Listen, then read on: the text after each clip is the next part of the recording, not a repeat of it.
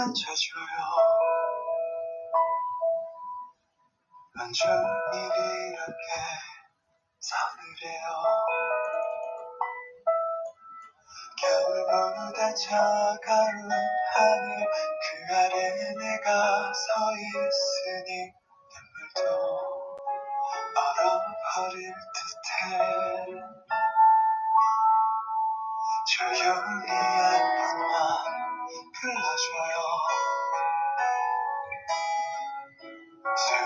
수없이 말해도 내 이름을 영원히 거슬러 하루를 아니 1분을 보게 돼도 그럴 수 있다면 견뎌낼게 Hmm, halo, halo, halo teman-teman, selamat malam. Bertemu dengan Kak Iwet lagi di ceritakan lebih banyak. Telling me more story. Oke, episode kedua ini Iwet akan bercerita tentang itik buruk rupa. Dongeng Itik Buruk Rupa merupakan salah satu cerita anak dunia yang sangat populer. Saat ini, kakak akan bercerita dongeng itik buruk rupa untuk teman-teman semua. Itik buruk rupa adalah dongeng terkenal di dunia yang dibuat oleh Hans Christian Andersen, seorang penulis asal negara Denmark. Hmm, seperti biasa, besok saat ketemu ibu guru, silahkan teman-teman pinjam peta dunia dan mulai mencari negara Denmark itu ada di mana ya di sebelah mana ya? Hmm, oke. Okay. Sebelum Kak Iwet mulai untuk bercerita, seperti biasa, udah siap-siap, udah digelar untuk tikernya, udah diambil gulingnya. Oke, Iwet tunggu. Sambil Kak Iwet tunggu, Iwet puterin lagi nih sambungan lagunya.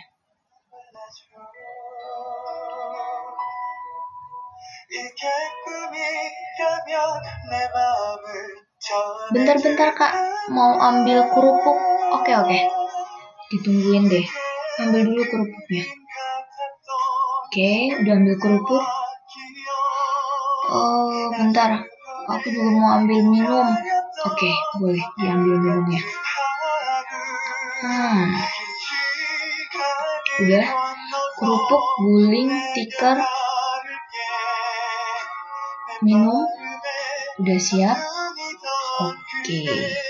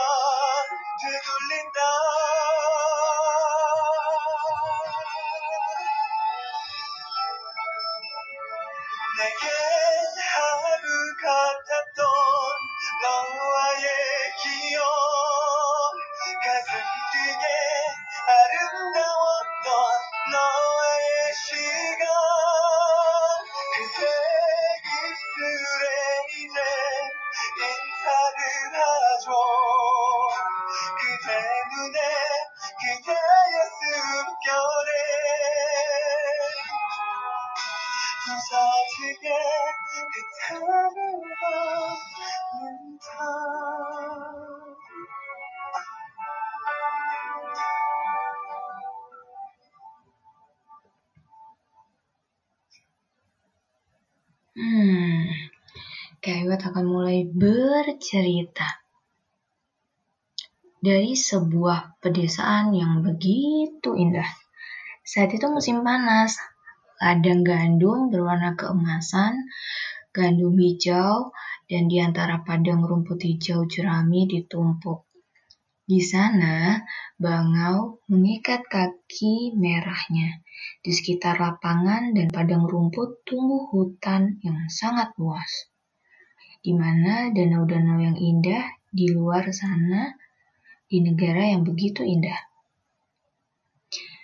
Di tengah sinar matahari, berdiri sebuah rumah bangsawan tua yang memiliki parit yang dalam dari dinding rumah sampai ke tepi air, ada daun burdok besar tumbuh, dan ada beberapa yang begitu tinggi sehingga anak-anak kecil bisa berdiri tegak di bawah yang terbesar.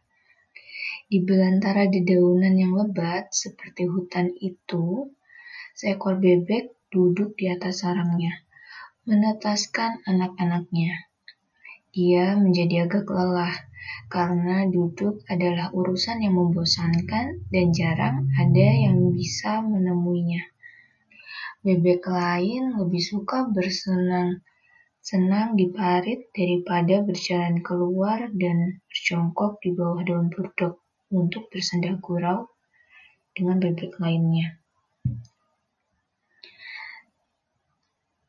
Tapi akhirnya cangkang telur mulai retak satu demi satu. Intip, intip. Ah, mengatakan hal-hal kecil saat mereka menjadi hidup dan menjulurkan kepala mereka. Kuek, kuek. Kuek, kuek. Kuek, kuek. Kata bebek-bebek dan secepat mungkin mereka semua berjalan keluar untuk melihat dunia hijau di bawah daun-daunan. Ibu mereka membiarkan mereka terlihat sesuka hati karena hijau bagus untuk mata.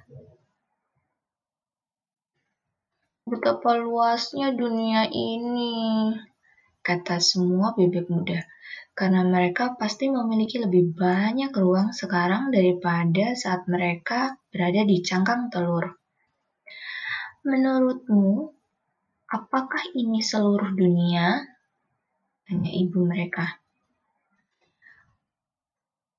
Mengapa itu meluas terus dan terus sampai ke sisi lain taman dan terus ke lapangan pendeta? Hmm, meskipun itu jauh dari yang pernah saya lakukan, saya berharap Anda semua sudah menetas. Tidak, belum semuanya. Telur terbesar masih ada di sini. Lihat, beberapa lama lagi ini akan memakan waktu. Hmm, aku benar-benar agak lelah dengan semuanya katanya. Tetapi dia duduk kembali di sarangnya. Nah, bagaimana? Tanya seorang bebek tua yang datang untuk menelponnya. Butuh waktu lama dengan satu butir telur itu ya, kata bebek di sarang. Itu tidak akan retak, tapi lihat yang lainnya. Mereka adalah bebek kecil paling lucu yang pernah kulihat. Mereka terlihat persis seperti ayah mereka, si brengsek. Dia sama sekali tidak datang menemuiku. Mari kita lihat telur yang tidak pecah itu, kata bebek tua. Ini adalah telur kalkun. Dan Anda dapat Membayangkan apakah telur kalkun itu bisa menetas. Hmm. Anda tidak percaya dengan kata-kata saya? Ah, saya tidak percaya. Saya pernah dibodohi seperti itu. Saya sendiri pernah mengalami kesulitan dan perhatian yang besar terhadap anak-anak kalkun itu.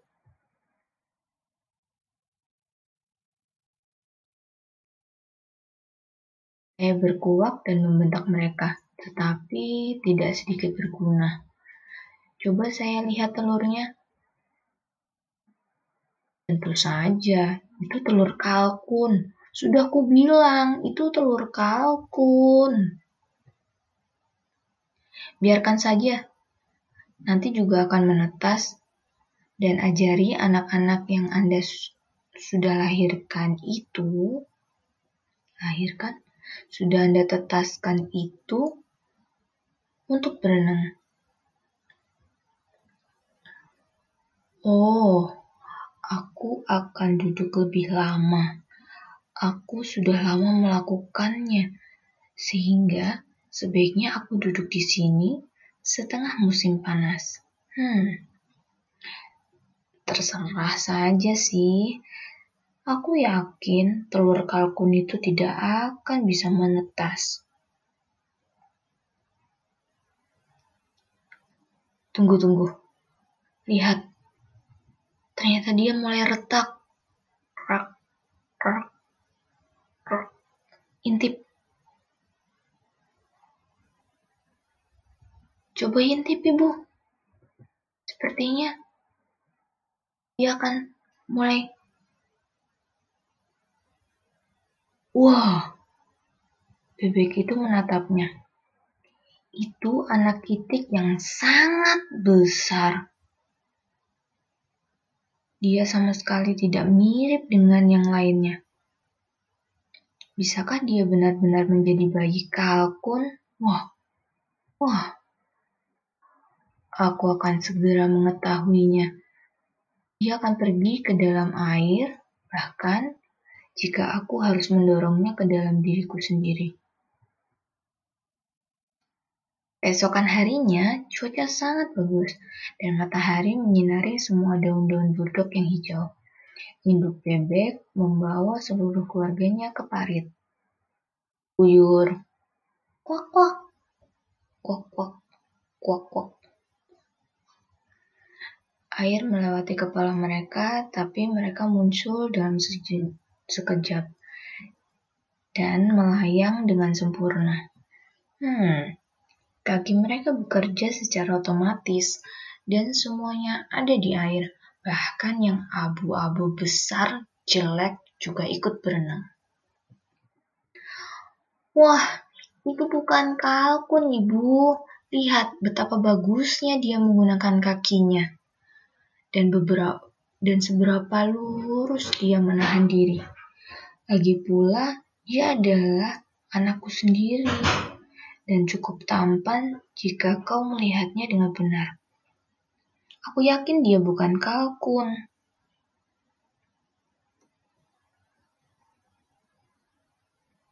Hmm, titik yang dibesarkan dengan baik membalikan jari kakinya, seperti yang dilakukan ayah dan ibunya.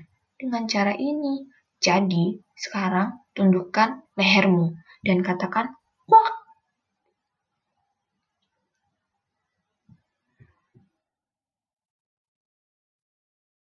Mereka melakukan apa yang diperintahkan, tetapi bebek lain di sekitar mereka melihat dan berkata dengan lantang, "Lihat di sini, haruskah kita memiliki induk ini juga?" Seolah-olah kita belum cukup. Anak itik yang sangat jelek. Kami tidak akan mendukungnya. Sudah, biarkan dia sendiri. Dia tidak melukai apa pun. Ya mungkin tidak, Ibu. Tapi dia itu terlalu besar dan aneh. Dan karena itu dia perlu pukulan yang sangat bagus. Aku yang memukulnya.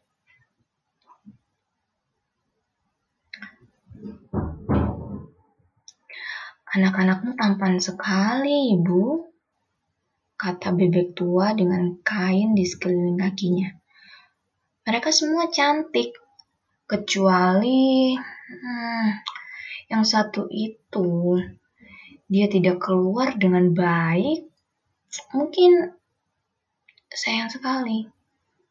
Mungkin karena tidak menetas dengan baik, jadi tampangnya sangat buruk.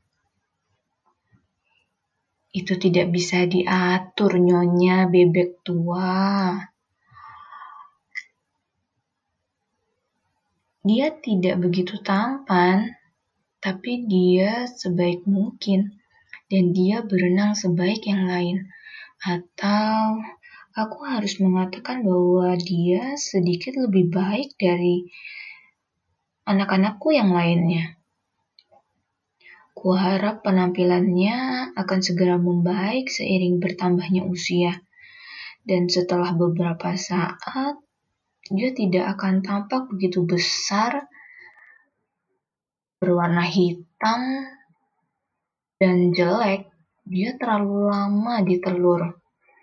Dan karena itulah sosoknya tidak seperti yang seharusnya. Aku pikir begitu. Lagi pula dia seekor yang aneh. Jadi itu tidak terlalu penting. Kurasa dia akan cukup kuat dan aku yakin dia akan banyak membantu. Tapi anak bebek lainnya cukup cantik, Ibu, kata bebek tua. Sekarang anggap rumah sendiri dan jika kamu menemukan kepala belut, kamu boleh membawanya untukku. Hmm, jadi mereka merasa betah, tetapi anak itik yang malang itu merupakan yang terakhir keluar dari telurnya dan yang terlihat sangat jelek, dipatuk dan didorong ke mana-mana, dan diolok-olok oleh bebek-bebek yang lainnya, dan juga ayam. Dia terlalu besar. Mungkin dia memang kalkun. Anak itik yang malang itu tidak tahu di mana dia berdiri, mau ke mana dia berani berjalan. Dia sangat sedih karena dia sangat jelek.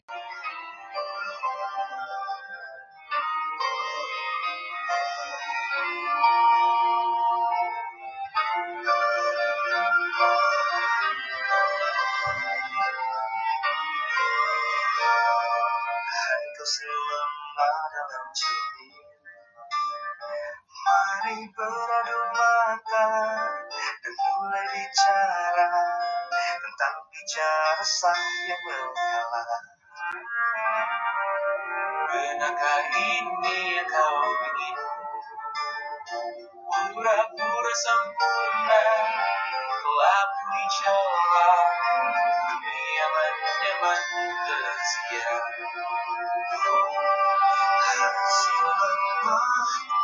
Ingatlah semesta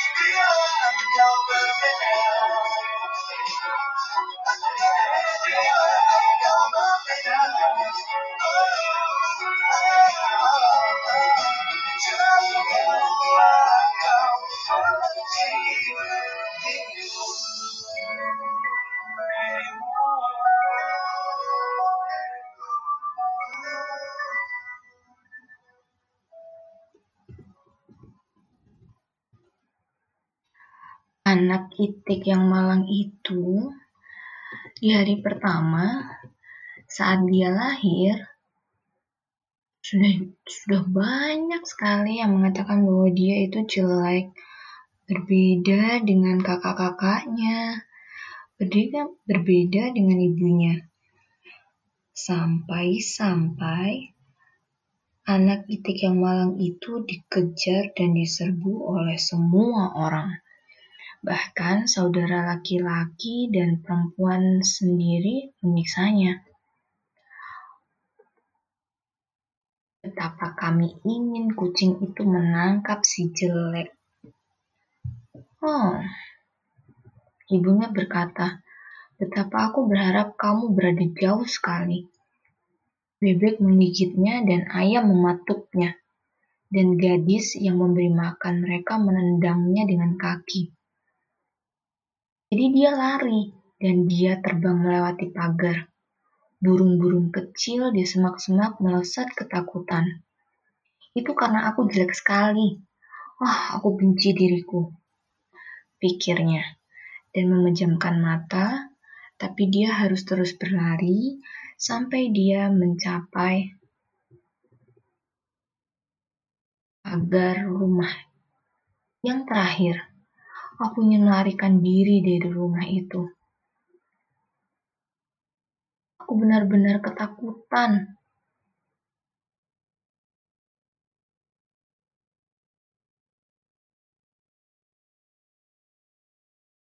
Hmm.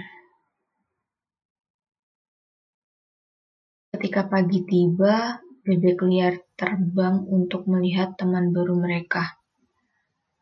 Kamu makhluk apa? Tanya mereka. Saat anak itik itu berbalik ke segala arah, membungkuk sebisanya kepada mereka semua. Kamu sangat jelek, kata mereka kepadanya.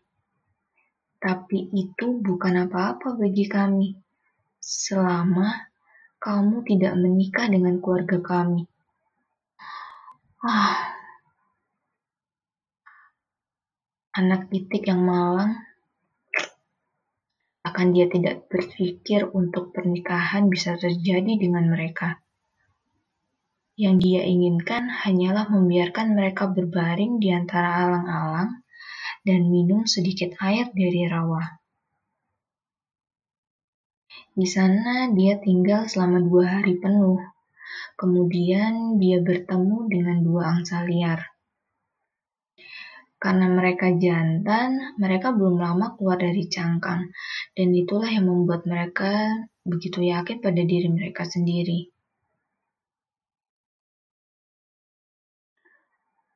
Katanya, katakan, oh, kamu sangat jelek sehingga kami menyukaimu. Itulah dengan ikutlah dengan kami dan jadilah burung pelintas di rawa lain di dekat sini, ada beberapa angsa liar yang menjemput. Semuanya wanita, muda yang baik, ada yang jahat, ada yang bersedih, ada yang berduka cita. Kamu begitu jelek sehingga kamu akan benar-benar menoleh. Ping, peng, Tembakan terdengar di udara, dan kedua ganders itu kini mati di antara alang-alang. Airnya merah dengan darah mereka. Pang, pang. Pemburu itu terus memburu kawanan bebek dan di seluruh kawanan angsa liar terbang dari alang-alang. Tembakan lain jatuh. Perburuan besar sedang berlangsung. Para pemburu berbaring di bawah perlindungan sekitar rawa. Beberapa bahkan bertengger di dahan pohon yang menjuntai alang-alang. Asap biru membumbung seperti awan dari naungan pepohonan dan melayang jauh di atas air.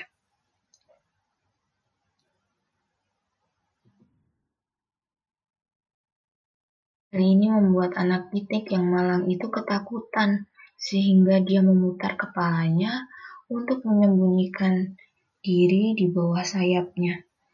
Tetapi pada saat itu juga seekor anjing besar yang menakutkan muncul tepat di sampingnya. Lidahnya menjulur keluar dari mulutnya, dan matanya yang jahat melotot dengan mengerikan.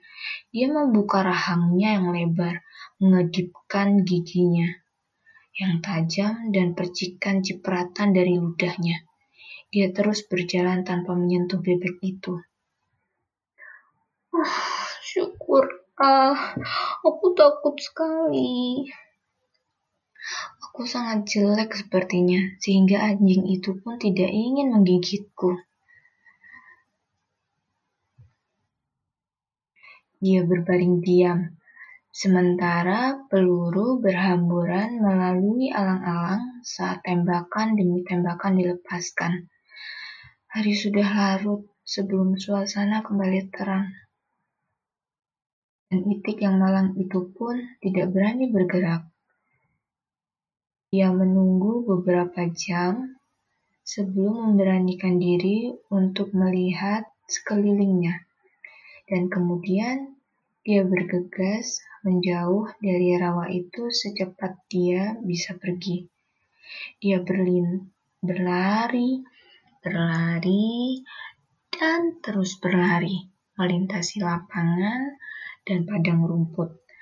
Angin sangat kencang sehingga dia terus berjuang untuk menjaga kakinya.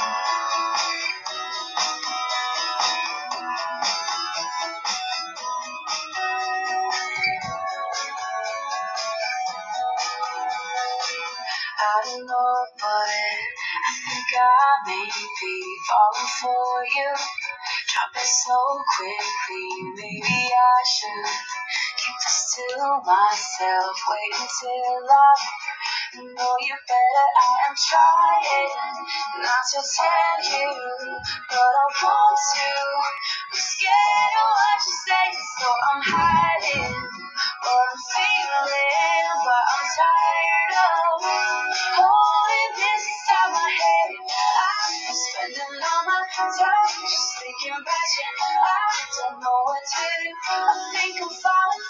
I've been waiting all my life and now I find it. I don't know what to do. I think I'm falling for you. I'm falling for you. As I'm standing here and you hold my hand, pull me towards you, and we start to dance all around us nobody hears silence. It's just you and me. I'm trying not to tell you, but I want to.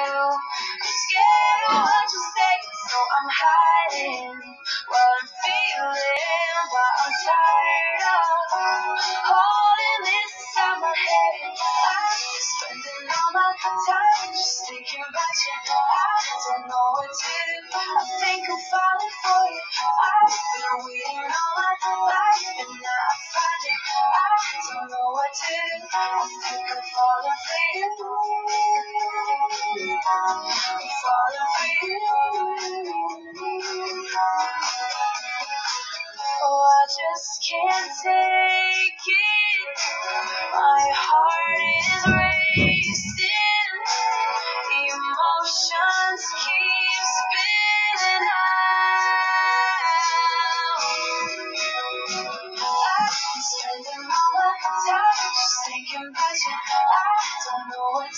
I think I'm falling for you. I've been waiting all my life, and now I found you. I don't know what to do. I think I'm falling for you.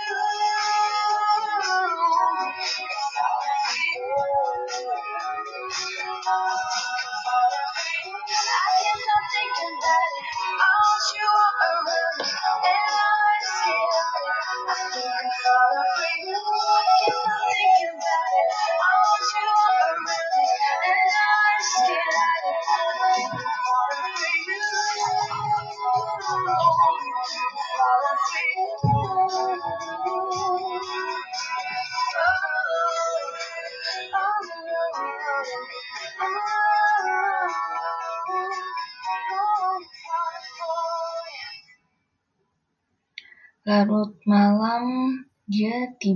Sebuah gubuk kecil yang menyedihkan, begitu bobrok sehingga tidak tahu ke mana harus jatuh.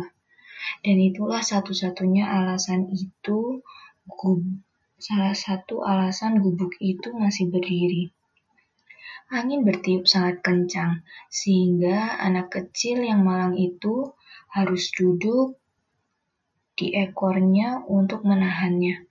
Badai bertiup semakin kuat. Tetapi anak itik itu memperhatikan bahwa salah satu engselnya terlepas dan pintunya tergantung sangat bengkok, sehingga dia bisa masuk melalui celah ke dalam ruangan. Dan itulah yang dia lakukan. Di sini tinggal seorang wanita tua dengan kucing dan ayamnya. Kucing yang dia panggil namanya Sony. Bisa melengkung punggungnya, mendengkur, dan bahkan membuat percikan api. Meskipun untuk itu kamu harus membelai bulunya dengan cara yang benar. Ayam betina memiliki kaki yang kecil dan pendek, jadi dia dipanggil Ciki Short Apa? Ciki Short Leg. Apa? Ciki Short Leg.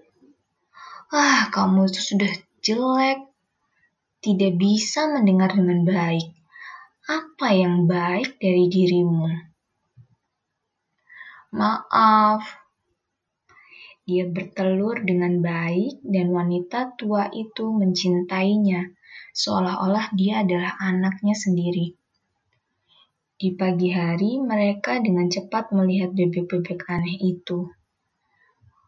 Kucing itu mulai mendengkur dan ayam mulai berdecak. Apa ini? Apa ini? Wanita tua itu melihat sekelilingnya tapi dia rabun, dan dia mengira bebek itu adalah bebek gemuk yang tersesat. Sony, itu tangkapan yang bagus, kata wanita gemuk. Sekarang aku akan punya telur bebek. Uh, tapi mungkin telurnya akan sedikit aneh, karena bentuk bebeknya juga aneh. Ah, tapi kita harus mencobanya. Aku ingin punya telur bebek. Jadi anak itik itu diuji coba selama tiga minggu. Tetapi tidak satu telur pun yang dia hasilkan. Di rumah ini, kucing adalah tuan dan ayam betina adalah majikan. Mereka selalu berkata, "Kami" dan "dunia", karena mereka menganggap diri mereka separuh dari dunia dan jauh lebih baik separuh dari itu. Anak itik itu berpikir bahwa mungkin ada yang lebih baik dari cara berpikir si ayam itu, tetapi induk ayam tidak mau mendengarkannya. Aku tanya, kamu bisa bertelur? Tidak. Kalau begitu jadilah yang tercantik untuk menahan lidahmu. Kucing itu bertanya, hmm, bisakah kamu melengkungkan punggung, mendengkur, dan membuat percikan sedikit api? Tidak. Kalau begitu, simpan pendapatmu untuk dirimu sendiri saat orang yang bijaksana berbicara. Anak itik itu duduk di sudut, merasa sangat sedih. Kemudian dia teringat udara segar dan sinar matahari. Keinginan seperti itu untuk pergi berenang di atas air menguasai dirinya, sehingga dia tidak dapat menahan diri untuk tidak memberitahu ayam tentang hal itu. Kamu kenapa? Apa yang sebenarnya terjadi sama dirimu?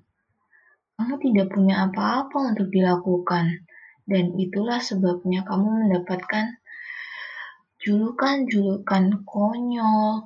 Beri kami telur dan belajar mendengkur, dan kamu akan bisa mengatasinya. Tapi sangat menyegarkan untuk mengapung di air. Aku benar-benar ingin mengapung di air. Sangat menyegarkan untuk merasakan naik di atas kepala saat Anda menyelam ke dasar air. Hmm. Ya, itu pasti sangat menyenangkan, kata si ayam. Menurutku, kau pasti sudah gila. Tanya kucing itu, siapa orang paling bijak yang ku kenal? Apakah dia suka berenang atau menyelam ke dalam air? Tentang diriku, aku tidak mengatakan apa-apa, tapi tanyakan kepada wanita tua itu. Nyonya kita, tidak ada siapa-siapa di bumi lebih bijaksana daripada dirinya. Apakah Anda bisa membayangkan dia ingin berenang dan merasakan air naik di atas kepalanya? Kamu tidak mengerti aku. Nah, jika tidak, siapa yang akan melakukannya? Tentunya Anda tidak akan berpikir Anda lebih pintar dari kucing dan wanita tua itu. Untuk tidak mengatakan apa-apa tentang diri saya sendiri, jangan terlalu sombong. Anak kecil sudah jelek, tidak tahu diri,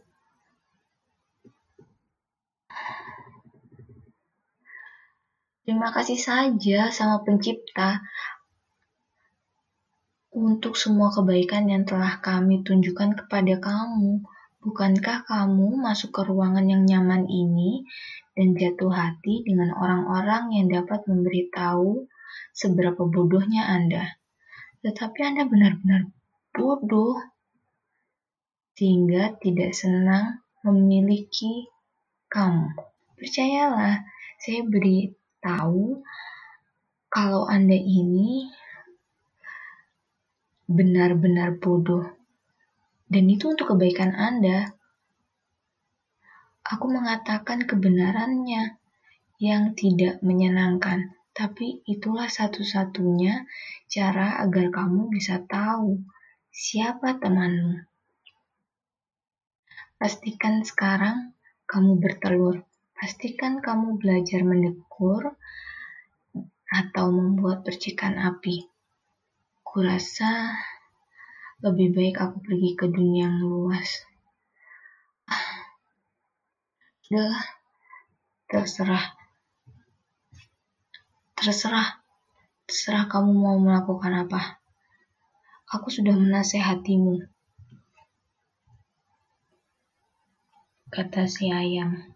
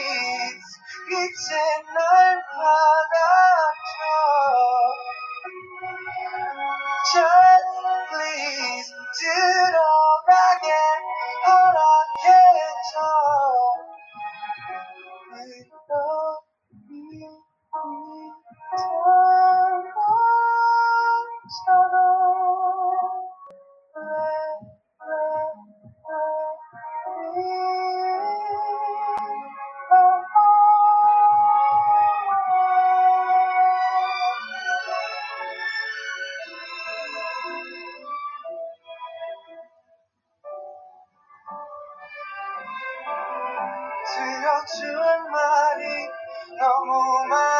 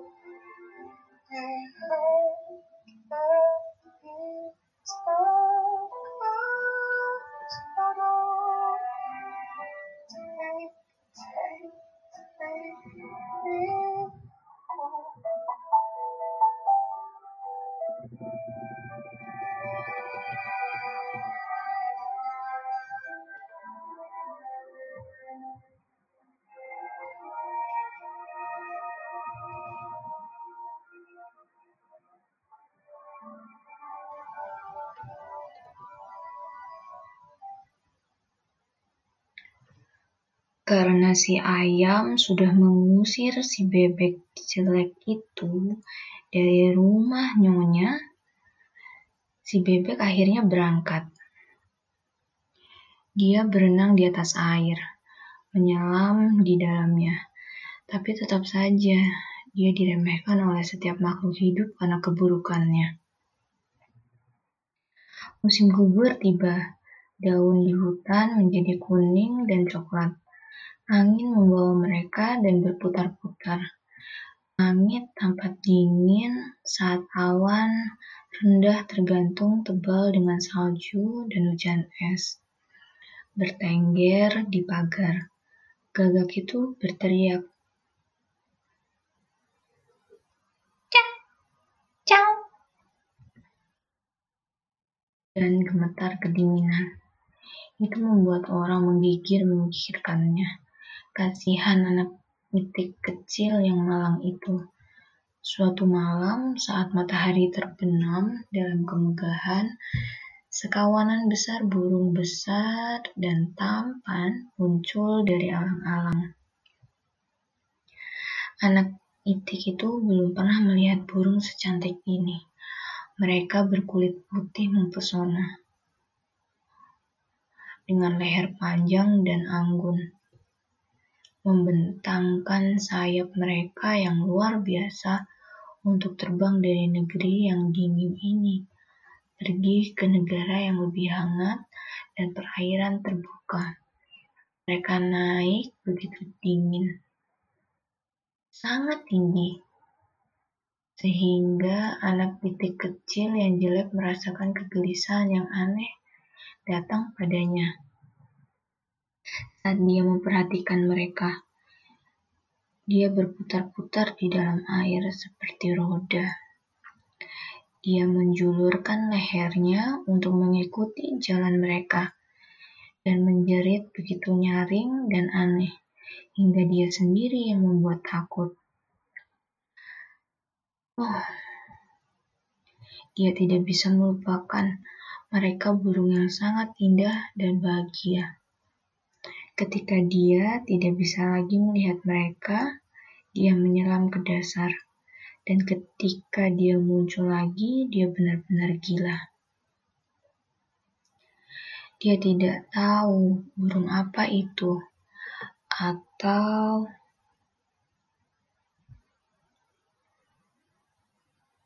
ke mana mereka akan pergi. Namun dia mencintai mereka lebih dari apa pun yang mereka yang pernah dia cintai sebelumnya. Bukannya diri bukannya dia iri pada mereka karena bagaimana mungkin dia berani bermimpi menginginkan kecantikan mereka yang luar biasa untuk dirinya sendiri.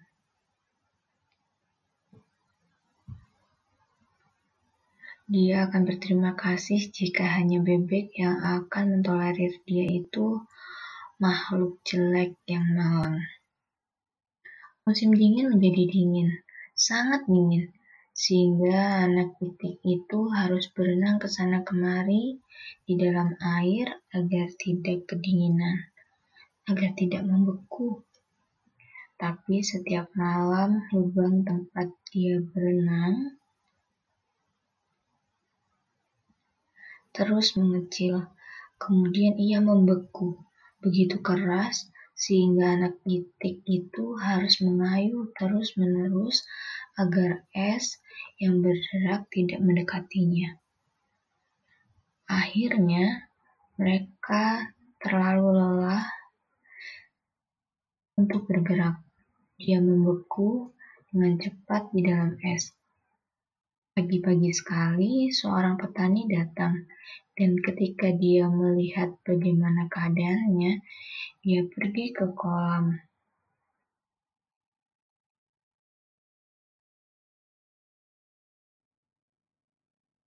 Hmm, memecahkan es dengan sepatu kayu dan membawa pulang bebek itu kepada istrinya. Di sana, bebek itu hidup kembali. Tetapi ketika anak-anak ingin bermain dengannya, ia pikir mereka bermaksud untuk menyakitinya. Ketakutan, dia terbang ke ember susu, memercikan susu ke seluruh ruangan. Wanita itu menjerit dan mengangkat tangannya saat dia terbang ke dalam bak mentega, lalu keluar masuk dari tong makanan. Bayangkan seperti apa dia sekarang. Uh, wanita itu berteriak.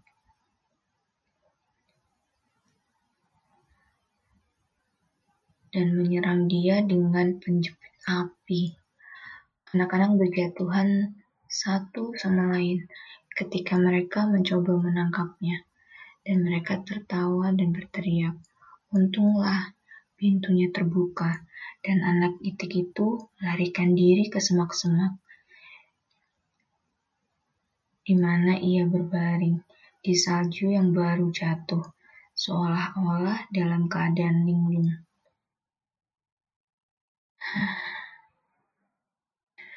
Tapi akan sangat menyedihkan untuk menceritakan semua kesulitan dan penderitaan yang harus dia tanggung selama musim dingin yang kejam ini. Saat matahari yang hangat bersinar sekali lagi, anak itik itu masih hidup di antara alang-alang rawa. Burung-burung itu mulai bernyanyi lagi. Musim semi yang indah.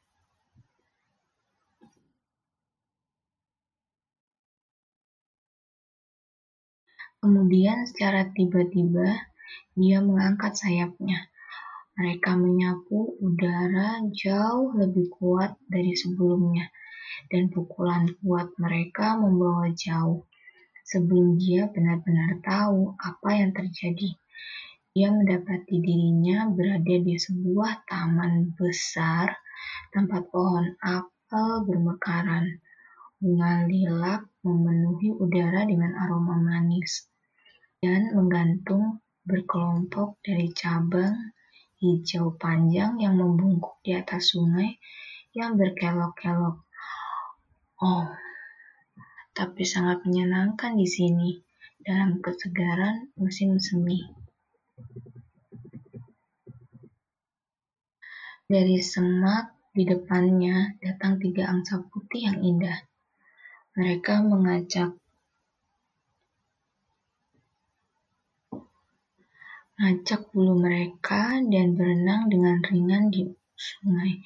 Anak itik itu mengenali makhluk-makhluk mulia ini, dan perasaan sedih yang aneh menimpanya. Aku akan terbang dekat burung-burung kerajaan ini, dan mereka akan mematukku karena aku sangat jelek.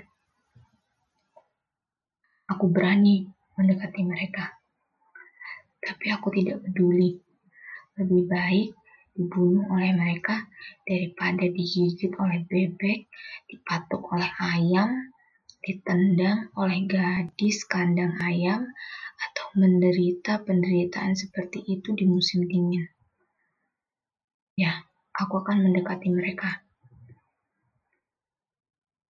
Jadi dia terbang ke air dan berenang menuju angsa yang indah. Mereka melihatnya dan menyapu dia dengan bulu gemerisik terangkat. Bunuh aku. Hah? Iya, bunuh aku, kata makhluk malang itu. Dan dia menundukkan kepalanya di atas air untuk menunggu kematian. Tapi apa yang dia lihat di sana? Terpantul di arus jernih. Dia melihat citranya sendiri, bayangannya sendiri dan itu bukan lagi cerminan dari burung abu-abu yang ceroboh, kotor, jelek, dan menyinggung. Dia sendiri adalah seekor angsa, dilahirkan di kandang bebek, tidak masalah. Andai saja Anda ditetaskan dari telur angsa. Dia merasa sangat senang bahwa dia telah melalui begitu banyak masalah dan kemalangan, karena saat ini dia memiliki pemahaman yang lebih lengkap tentang keberuntungannya sendiri dan keindahan ketika dia bertemu dengannya. Angsa-angsa besar berenang di sekelilingnya dan mengelusnya dengan lembut. Beberapa anak kecil datang ke taman untuk melemparkan biji-bijian dan potongan roti ke atas air. Anak terkecil menangis. Itu yang baru. Dan yang lainnya bersuka cita. Ya, yang baru telah datang. Dan mereka bertepuk tangan, menari-nari, dan lari membawa ayah dan ibu mereka. Mereka melempar roti dan kue ke atas air, sementara mereka semua setuju. Lihatlah, angsa yang baru itu adalah yang paling tampan dari semuanya. Dan dia sangat muda. Dia sangat nampan. Angsa tua membungkuk untuk menghormatinya. Kemudian dia merasa sangat malu. Dia menyelipkan kepalanya di bawah sayapnya. Dia tidak tahu tentang apa semua ini. Dia merasa sangat bahagia, tetapi dia sama sekali tidak bangga karena hati yang baik tidak pernah tumbuh dari kata bangga. Dia berpikir tentang bagaimana dia telah dianiaya dan dicemooh, dan sekarang dia mendengar mereka semua memanggilnya burung yang paling indah dari semua burung yang indah. Bunga lilak mencelupkan kelopaknya ke sungai di hadapannya, dan matahari bersinar begitu hangat dan menggembirakan. Dia menggesekkan bulu-bulunya dan mengangkat leher rampingnya tinggi-tinggi saat dia berteriak dengan sepenuh hati. Aku tidak pernah membayangkan akan ada begitu banyak kebahagiaan ketika aku adalah anak itik yang jelek.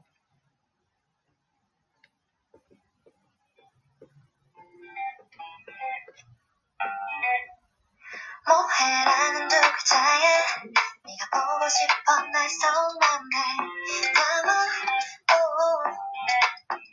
이모티콘 하나하나 속에 달라지는 내 미묘한 심리를 알까 많이 바쁘지 않아. 땀들이 나냐 잠들어있지 않아. 있었냐냐냐 지금 다른 사람과 谢谢